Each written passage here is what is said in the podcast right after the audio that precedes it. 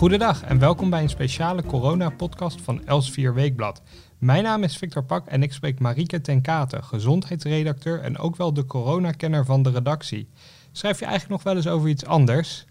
Uh, nee, daar is weinig tijd voor. Behalve af en toe een kaartje naar, uh, naar de mensen die ik nu niet uh, live kan zien, om het zo maar te zeggen. Oké, okay. um, we gaan het in deze podcast hebben over het coronavirus en dan vooral hoe het er in Nederland voor staat. Iedere dag komen er talloze cijfers naar buiten over het virus. Um, nu wij opnemen zijn er zo'n bijna 5000 mensen besmet in Nederland. Um, en iets meer dan 200 mensen overleden aan het virus. Geven die cijfers ons een goed beeld van waar het virus staat in Nederland? Nou, aan de ene kant wel, omdat je, uh, nou ja, het aantal sterfgevallen, dat, uh, dat zegt toch wel iets. Of in ieder geval daar, uh, um, nou ja, daar, daar, daar, kun je wel in, in modellen mee rekenen, om het zo maar even heel, heel cru te zeggen. Um, het aantal besmettingen, uh, dat, dat zegt eigenlijk relatief weinig. Of in ieder geval, uh, vermoedelijk zijn er veel meer besmettingen in Nederland. Uh, maar we meten alleen nog, of we testen alleen nog de, de patiënten die dusdanig ziek zijn dat ze in het ziekenhuis moeten worden opgenomen. dus, dus vermoedelijk zijn er veel meer dan, dan die bijna 5000 mensen die, die op dit moment besmet zijn. Maar zijn dat heel veel mensen met milde klachten en die, die zien we in de cijfers niet terug. Um, en ook nog wel goed om op te merken is bij, bij het aantal uh, sterfgevallen wat je ziet. Uh, heel veel mensen denken toch dat dat uh, patiënten zijn die op de IC overlijden. Maar eigenlijk het overgrote deel daarvan uh, overlijdt of op een andere afdeling in het ziekenhuis of bijvoorbeeld thuis of in een verpleeghuis. dus dat, dat geeft ook wel aan dat dat patiënten zijn die, nou ja, die, die al relatief zwak waren en waar eigenlijk eerst een goed gesprek mee wordt gevoerd van wil je wel naar de IC en, en uh, nou ja, die, die weken aan de apparaten liggen, weegt dat op tegen de, de kansen die je eigenlijk hebt uh, om daar beter uit te komen. Uh, dus dat zijn wel, wel nuanceringen die je bij die cijfers moet aanbrengen. Ja, en je, je zei over die, die 5000 besmettingen, eigenlijk zijn het er veel meer. Heb jij enig idee, als je een schatting zou moeten maken, hoeveel mensen in Nederland besmet zouden zijn?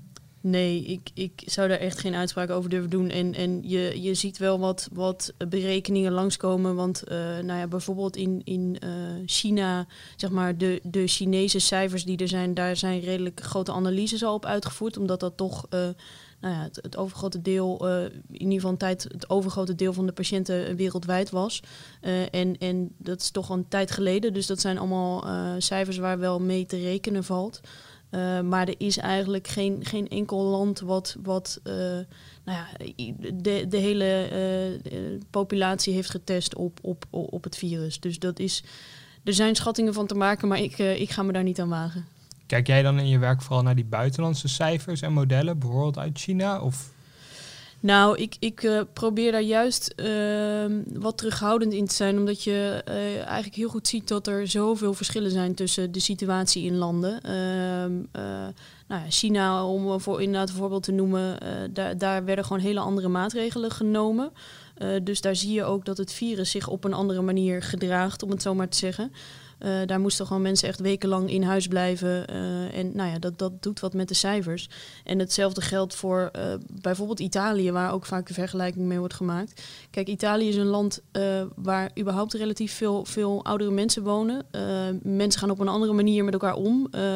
dus, dus nou ja, zijn misschien iets meer van, van in groepen bij elkaar gaan zitten en, en meer fysiek contact uh, dan wij Nederlanders. Dat, dat uh, kan ook allemaal een rol spelen. Plus dat je uh, in Italië ook ziet dat heel veel mensen, of eigenlijk iedereen, een kans krijgt op de IC. Um, dus ook bijvoorbeeld iemand in de 90 die, nou ja, die, die nu het coronavirus oploopt. Terwijl hier in Nederland wordt met dat soort mensen gewoon echt een gesprek gevoerd van ja. het heeft nogal wat consequenties op een IC liggen. En, en ja, de vraag is of dat het waard is. Is, is dat die medische term triage die heel vaak op journaals voorbij is gekomen, nou een soort selectie, of valt dat hier nog niet onder? Nou, wat triage is, is dat je, um, dat is een beetje uh, ja, een term die je op verschillende manieren kan opvatten. Maar waar het nu uh, vaak over gaat, is dat je uh, wat je in Italië ziet gebeuren, is die IC's zijn overbelast. En toch blijven er nieuwe patiënten binnenkomen. En, en nou ja, even een fictief voorbeeld. Je hebt nog één, je hebt één IC-bed over en er komen tien patiënten aan. Welke van die tien ga je dan helpen? En nou ja, dan wordt er, wordt er goed gekeken van oké, welke patiënten zijn er het ergst aan toe? welke moeten echt naar de IC of welke kunnen eventueel ook op een andere afdeling geholpen worden?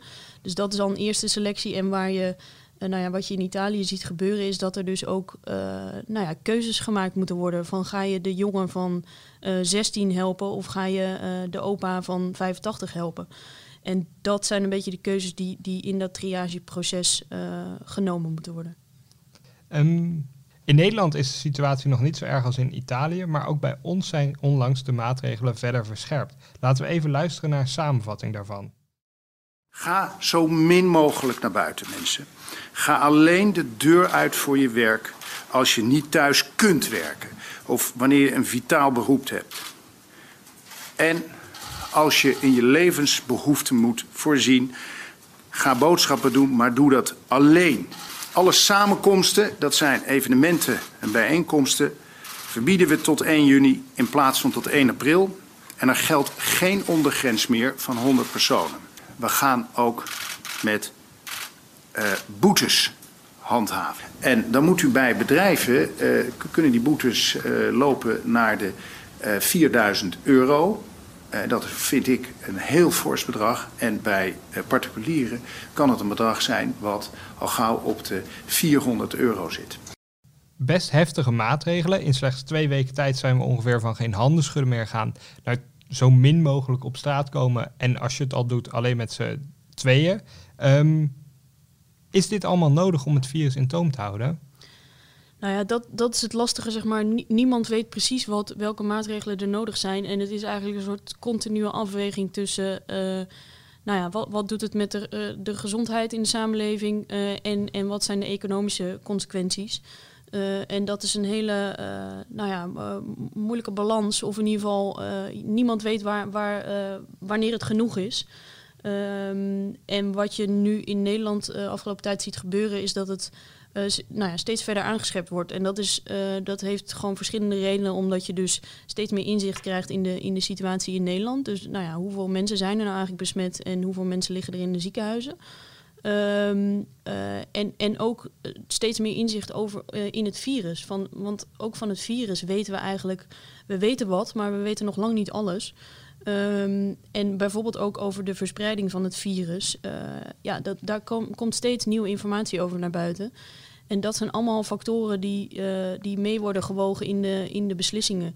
En ja, je, je, nou ja, je ziet de afgelopen tijd dat het steeds verder gaat. En dat, dat geeft aan dat dus blijkbaar het, het niet meer handen schudden niet voldoende was om, om het virus voldoende in te dammen. Je zei dat we nog lang niet alles wisten over het virus. Wat zou jij nog echt graag willen weten? Waar zou je meer informatie over willen hebben? Nou, er zijn eigenlijk twee dingen uh, die, die toch vrij essentieel zijn en waar we nog niet helemaal goed inzicht in hebben. En dat is hoe, hoe verspreidt het virus zich nou precies? Um, de WHO en het RIVM die, die gaan er uh, vanuit dat eigenlijk het overgrote deel van de besmettingen plaatsvindt door nou ja, dat iemand niest of hoest in je buurt en jij die druppeltjes inademt of, of ze op je hand krijgt en ze in je ogen smeert. Um, en de veronderstelling daarbij is dus dat iemand die nou ja, echt ziek is, echt symptomen heeft en dus flink aan het hoesten en aan het niezen is, ehm, zeg maar dat de kans op verspreiding bij dat soort mensen het grootst is. Dat zij, dat zij veel meer mensen infecteren ermee. En uh, ja, je ziet toch wel steeds meer onderzoeken naar buiten komen. Waaruit blijkt dat ook mensen die maar milde symptomen hebben, of misschien niet eens symptomen hebben, toch in bepaalde mate besmettelijk kunnen zijn. Plus ook een aantal onderzoeken dat, nou ja, over hoe lang het virus buiten het lichaam kan overleven. Dus bijvoorbeeld op een, een deurklink of, of een tafel of wat dan ook. dat, dat zijn dingen waarvan we nu zeggen, nou waarschijnlijk speelt dat geen grote rol bij de verspreiding van het virus. Maar helemaal zeker weten doen we het niet. Dus dat is hele essentiële informatie. En het andere is um, dat we eigenlijk nog heel weinig weten over uh, de immuniteit. Zeg maar, als mensen dit, dit, een infectie van dit virus doormaken, zijn ze dan immuun? En zo ja, zijn ze helemaal immuun of, of slechts gedeeltelijk? En hoe lang duurt die immuniteit? En dat, dat zijn ja, dingen die toch heel belangrijk zijn. Kijk, als iedereen die de infectie heeft doorgemaakt helemaal immuun is, dan ja, dan, dan heeft dat enorme consequenties voor welke maatregelen er straks nog nodig zijn als we weten hoeveel mensen er besmet zijn geweest. Uh, maar goed, dat, dat weten we dus gewoon niet. En er wordt ontzettend veel onderzoek naar gedaan. Maar dat is echt gewoon nog even wachten uh, nou ja, voordat we daar iets heel zinnigs over kunnen zeggen. En in afwachting daarvan nemen we dus al die maatregelen, die dus steeds strikter zijn geworden. Kan je dan zeggen dat we het virus onderschat hebben? Nou, dat is inderdaad de conclusie die heel veel mensen uh, uh, trekken. Uh, maar ja, ik, de, ik vind het überhaupt veel te, veel te vroeg om, om daar iets over te zeggen. Um, en het, ja, wat, wat veel mensen toch ook vergeten is dat de situatie per land verschilt. En, en ja, je ziet vooral als dan in de landen om ons heen striktere maatregelen worden genomen. het is logisch dat mensen daar naar kijken. En zeker als je aan de grens woont, dat je daar verbaasd over bent. Maar uh, ja, per, per land verschilt gewoon de situatie. Wat, wat mij betreft op dit moment heel belangrijk is, is wat is onze capaciteit in de ziekenhuizen? En uh, nou ja, of, tot nu toe zijn de verhalen steeds dat er uh, nog capaciteit op de IC's is. En, en alle ziekenhuizen zijn aan het opschalen, zoals ze dat dan noemen. Dus meer ruimte aan het maken voor, voor coronapatiënten. Dus er is heel veel ruimte om nog meer patiënten op te vangen. En je wil voorkomen dat je in, in een Italië-scenario terechtkomt dat je dus mensen nee moet verkopen. Dat je dus mensen die je normaal wel op een IC zou opnemen en in ieder geval nog een, nog een sprankje hoop of, of nou ja, een soort uitzicht op een, een goede, goede afloop kan geven, dat je dat niet meer kan. En dat is ook ontzettend belangrijk dus bij de afweging, moeten er meer maatregelen worden genomen? En, en ook wanneer moeten die maatregelen worden genomen? Want Um, een van de dingen uh, wat je hier in Nederland zag gebeuren is dat carnaval een enorme trigger was of een enorme kickstarter, zoals een van de ziekenhuisdirecteuren het noemde. Um, dat, daar waren gewoon veel mensen bij elkaar en er stonden een paar mensen tussen die uh, net op skivakantie waren geweest naar Noord-Italië. Die hebben daar vermoedelijk veel mensen besmet. En die mensen zijn allemaal weer andere mensen gaan besmetten. En dat heeft een enorme invloed gehad op, op nou ja, ineens de toename die je in Nederland zag. Ehm, en ja, de roep is nu af en toe van uh, mensen die de situatie in Italië zien zeggen: we moeten hier ook veel, veel striktere maatregelen nemen. Maar om maar een voorbeeld te noemen, uh, de regio waar het in Italië nu, nu het ergst eraan toe gaat, Lombardije, dat, dat is een gebied waar zeg maar, het weekend van carnaval waren daar net de eerste besmettingen gemeld. Dus nou ja, terugkijkend zou je kunnen zeggen, hadden we carnaval niet moeten uh, uh, laten doorgaan, hadden we dat gewoon uh, stop moeten zetten. Maar ja, de grote vraag is hoe groot het draagvlak daarvoor geweest was op dat moment. En of je dan niet, wat je nu ook een beetje ziet, mensen die juist vanuit een tegenreactie scheid aan coronafeestjes gaan organiseren, dat had je dan ongetwijfeld ook gezien, denk ik. Dus ja, we weten nu veel meer dan wat we drie weken geleden wisten. En misschien had je dan andere beslissingen genomen, maar dat is natuurlijk makkelijk praten achteraf. Ja, achteraf is het uh, makkelijk de waarheid voorspellen. Um, toch zijn er veel Nederlanders die inderdaad wijzen naar andere landen. Bijvoorbeeld België dat, dat uh, grenscontroles heeft ingevoerd met Nederland. En zeggen, daar is een lockdown, zoals men dat uh, noemt. Um, die afgrendeling van de samenleving, dat zou hier ook moeten komen. Premier Rutte zegt er tegenover, nou, wij nemen een intelligente lockdown. Wat, wat is nou concreet het verschil daartussen? Nou ja, het, het, het verschil is, het, wat ik, de verhalen die ik van bijvoorbeeld van België heb gehoord, is dat je daar nog wel de straat op mag, maar alleen met een briefje waarop je aanvinkt waarom je precies op straat bent. Dus dat kan zijn boodschappen doen, dat kan zelf zijn een rondje joggen. Um, uh, dus dat is gewoon een, net iets andere aanpak dan in Nederland. Want kijk, in Nederland zeggen we nu ook van blijf zoveel mogelijk binnen. En ja, je mag naar buiten om af en toe een rondje te wandelen. Als je anderhalve meter afstand houdt, ja, je mag nog naar de supermarkt. Maar um, ja, het, het wordt nu heel zwart-wit tegenover elkaar gezet. Terwijl je ziet dat eigenlijk heel veel landen een vrijwel vergelijkbare aanpak hebben. En uh, nou ja, ander voorbeeld Frankrijk, daar, daar hebben ze wel echt een, uh, een lockdown. Uh, in de zin van dat mensen gewoon niet naar buiten mogen. Maar ja, de, de grote vraag is wat, dat, ehm, wat het effect van dat soort ma maatregelen gaat zijn. Want kijk, aan de ene kant ehm, nou, kijk naar buiten. Het is hartstikke mooi weer buiten. Als je nu uh, heel Nederland gaat opsluiten, uh, dat, dat heeft ook nogal wat consequenties. Dat mensen, ze moeten al thuis werken, zitten uh, veel met, met, nou ja, de kinderen gaan niet naar school, dus ze moeten thuis lesgeven, thuis werken. Dat is enorm belastend voor mensen. Dus, dus het feit dat ze af en toe een rondje buiten kunnen wandelen, kan voor veel mensen volgens mij een enorm verschil maken.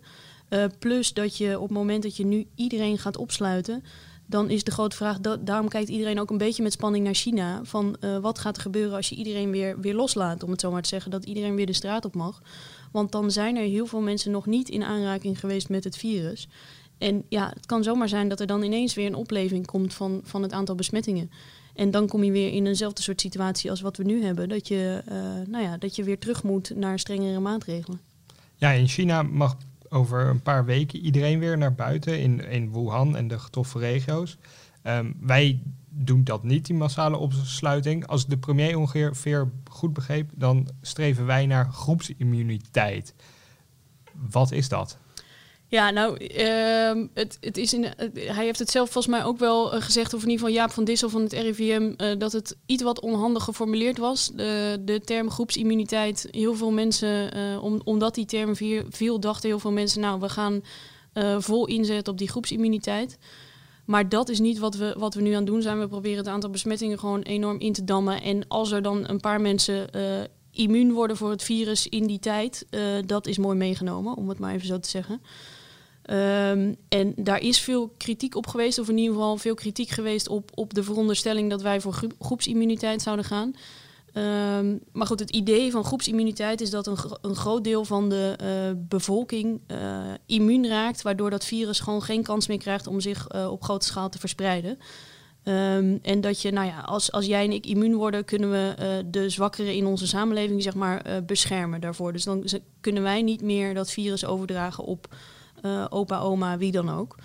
Um, en de kritiek die daarop kwam is um, dat, dat we eigenlijk nog heel weinig weten over die immuniteit. Dus dat, wat ik net ook al zei, het is, uh, nou ja, we tasten nog een beetje in het duister in, bij dit virus van wat worden mensen nou daadwerkelijk immuun? Waarschijnlijk wel, maar in welke mate en hoe lang duurt dat? En, en nou ja, dat is gewoon echt nog de vraag. Hoe, hoe kunnen we daarachter komen als we immuun zijn? Ja, nou, uh, dus ze zijn onder andere in het Erasmus MC hebben ze, uh, zijn wetenschappers daar al mee bezig om daar een test voor te ontwikkelen. En het idee, of in ieder geval ze hebben al een test ontwikkeld, moet ik eigenlijk zeggen. Um, het idee daarvan is dat je uh, antistoffen in je bloed kunt aantonen. En als je antistoffen hebt, dan betekent het dat je immuun bent. Um, en nou ja, wat, wat wat ze nu met die test gaan doen, is, is gewoon eens goed kijken van wat gebeurt er nou eigenlijk in het lichaam. Uh, wat zien we in het bloed bij mensen die zo'n infectie hebben doorgemaakt. Dus om gewoon puur in beeld te brengen, ja, treedt er immuniteit op en, en hoe, in welke mate dan. En wat er ook gebeurt is dat uh, bij bloeddonoren zeg maar, van Sanquin, de bloedbank, uh, daar wordt een wat grotere analyse uitgevoerd op verschillende bloedmonsters om eens te kijken, um, nou ja, een soort afspiegeling van de Nederlandse samenleving. Dat ze een, een greep nemen uit die bloeddonoren en kijken, oké, welke mensen hiervan hebben antistoffen? Uh, en, en ja, het idee is om dan een nou ja, soort van uh, schets te krijgen van hoe staan we er als Nederlandse samenleving voor. Maar goed, dat zijn tests die. Um, ik, ik ben enorm onder de indruk van de snelheid waarmee dit gaat. Dus dat, we, dat, we dit, dat die tests er überhaupt al zijn en dat we het op relatief grote schaal kunnen, uh, kunnen gebruiken. Maar het is niet zo dat wij allemaal uh, nu al uh, kunnen meten of we zo'n infectie hebben doorgemaakt. Daar zijn we nog niet. Maar je bent wel hoopvol over de ontwikkeling. Ja, en dat zie je op ontzettend veel vlakken gebeuren. Ook qua uh, medicijnontwikkeling en vaccinontwikkeling. Uh, er wordt heel veel samengewerkt. En, en uh, nou ja, ik, ik sprak eerder deze week met het hoofd van het vaccinonderzoek van Janssen, de farmaceut. En ja, die zijn gewoon, dit is natuurlijk, dit houdt de hele wereld bezig. Dus, dus wetenschappers zijn hier dag en nacht mee bezig om nou, te kijken, kunnen we een vaccin, vinden of kunnen we een medicijn vinden? En vermoedelijk duurt dat nog wel even, maar je ziet nou je ziet alles in een sneltreinvaart gaan. Er waren wat Chinese onderzoeken waar een oud malaria-middel bij getest werd. En daar werd eerst nog wat, wat huiverig op gereageerd. Maar dat staat nu ook gewoon in de Nederlandse richtlijnen al. Van als, als patiënten ernstig ziek zijn, dan kun je overwegen om, om dit soort middelen te gebruiken. Dus ja, er zit een ontzettende uh, turbo achter, om het zo maar te zeggen. Wetenschappers zijn dus in razend tempo bezig uh, om ons verder te helpen. Is er nou tenslotte nog iets dat we zelf kunnen doen, behalve het eindeloze handen wassen? Nou, ik, um, ik woon zelf hier in Amsterdam-West uh, bij het Westerpark in de buurt. En ik, ik verbaasde me. Gisteren uh, was het echt een wereld van verschil. Maar van het weekend verbaasde ik me gewoon enorm over toch nog de groepjes die je ziet. En ik, ik denk dat is ook een beetje wat, wat Rutte in de persconferentie wel zei gisteren. Van ja, iedereen heeft gewoon echt een eigen verantwoordelijkheid. En, en ehm, eh, ik heb best wel wat mensen in mijn omgeving die ook aan mij vragen: kan dit nog? En hoe moet ik, uh, nou ja, mag ik nog bij mijn oma op bezoek? En, en wat mag nou wel en niet? En hetgene wat ik altijd, eigenlijk altijd tegen ze zeg is bij twijfel gewoon niet doen. Want uh, ja, ik vind het ook vervelend dat ik heel veel mensen op dit moment niet live kan zien. Um, maar er zijn zoveel mogelijkheden op dit moment om, om toch met mensen in contact te blijven. En dat is lang niet voor iedere leeftijdsgroep even vertrouwd en, en uh, even fijn. Maar ja, het is, het is voor toch in heel veel gevallen een kleine moeite om, om even met, met bepaalde contacten te wachten tot we, nou ja, tot we de komende weken voorbij zijn. Duidelijk. Um, dit was de podcast voor deze keer. Hartelijk dank voor het luisteren. Wilt u een volgende podcast niet missen? Vergeet u dan niet te abonneren op het kanaal van Els 4 Weekblad in uw podcast-app.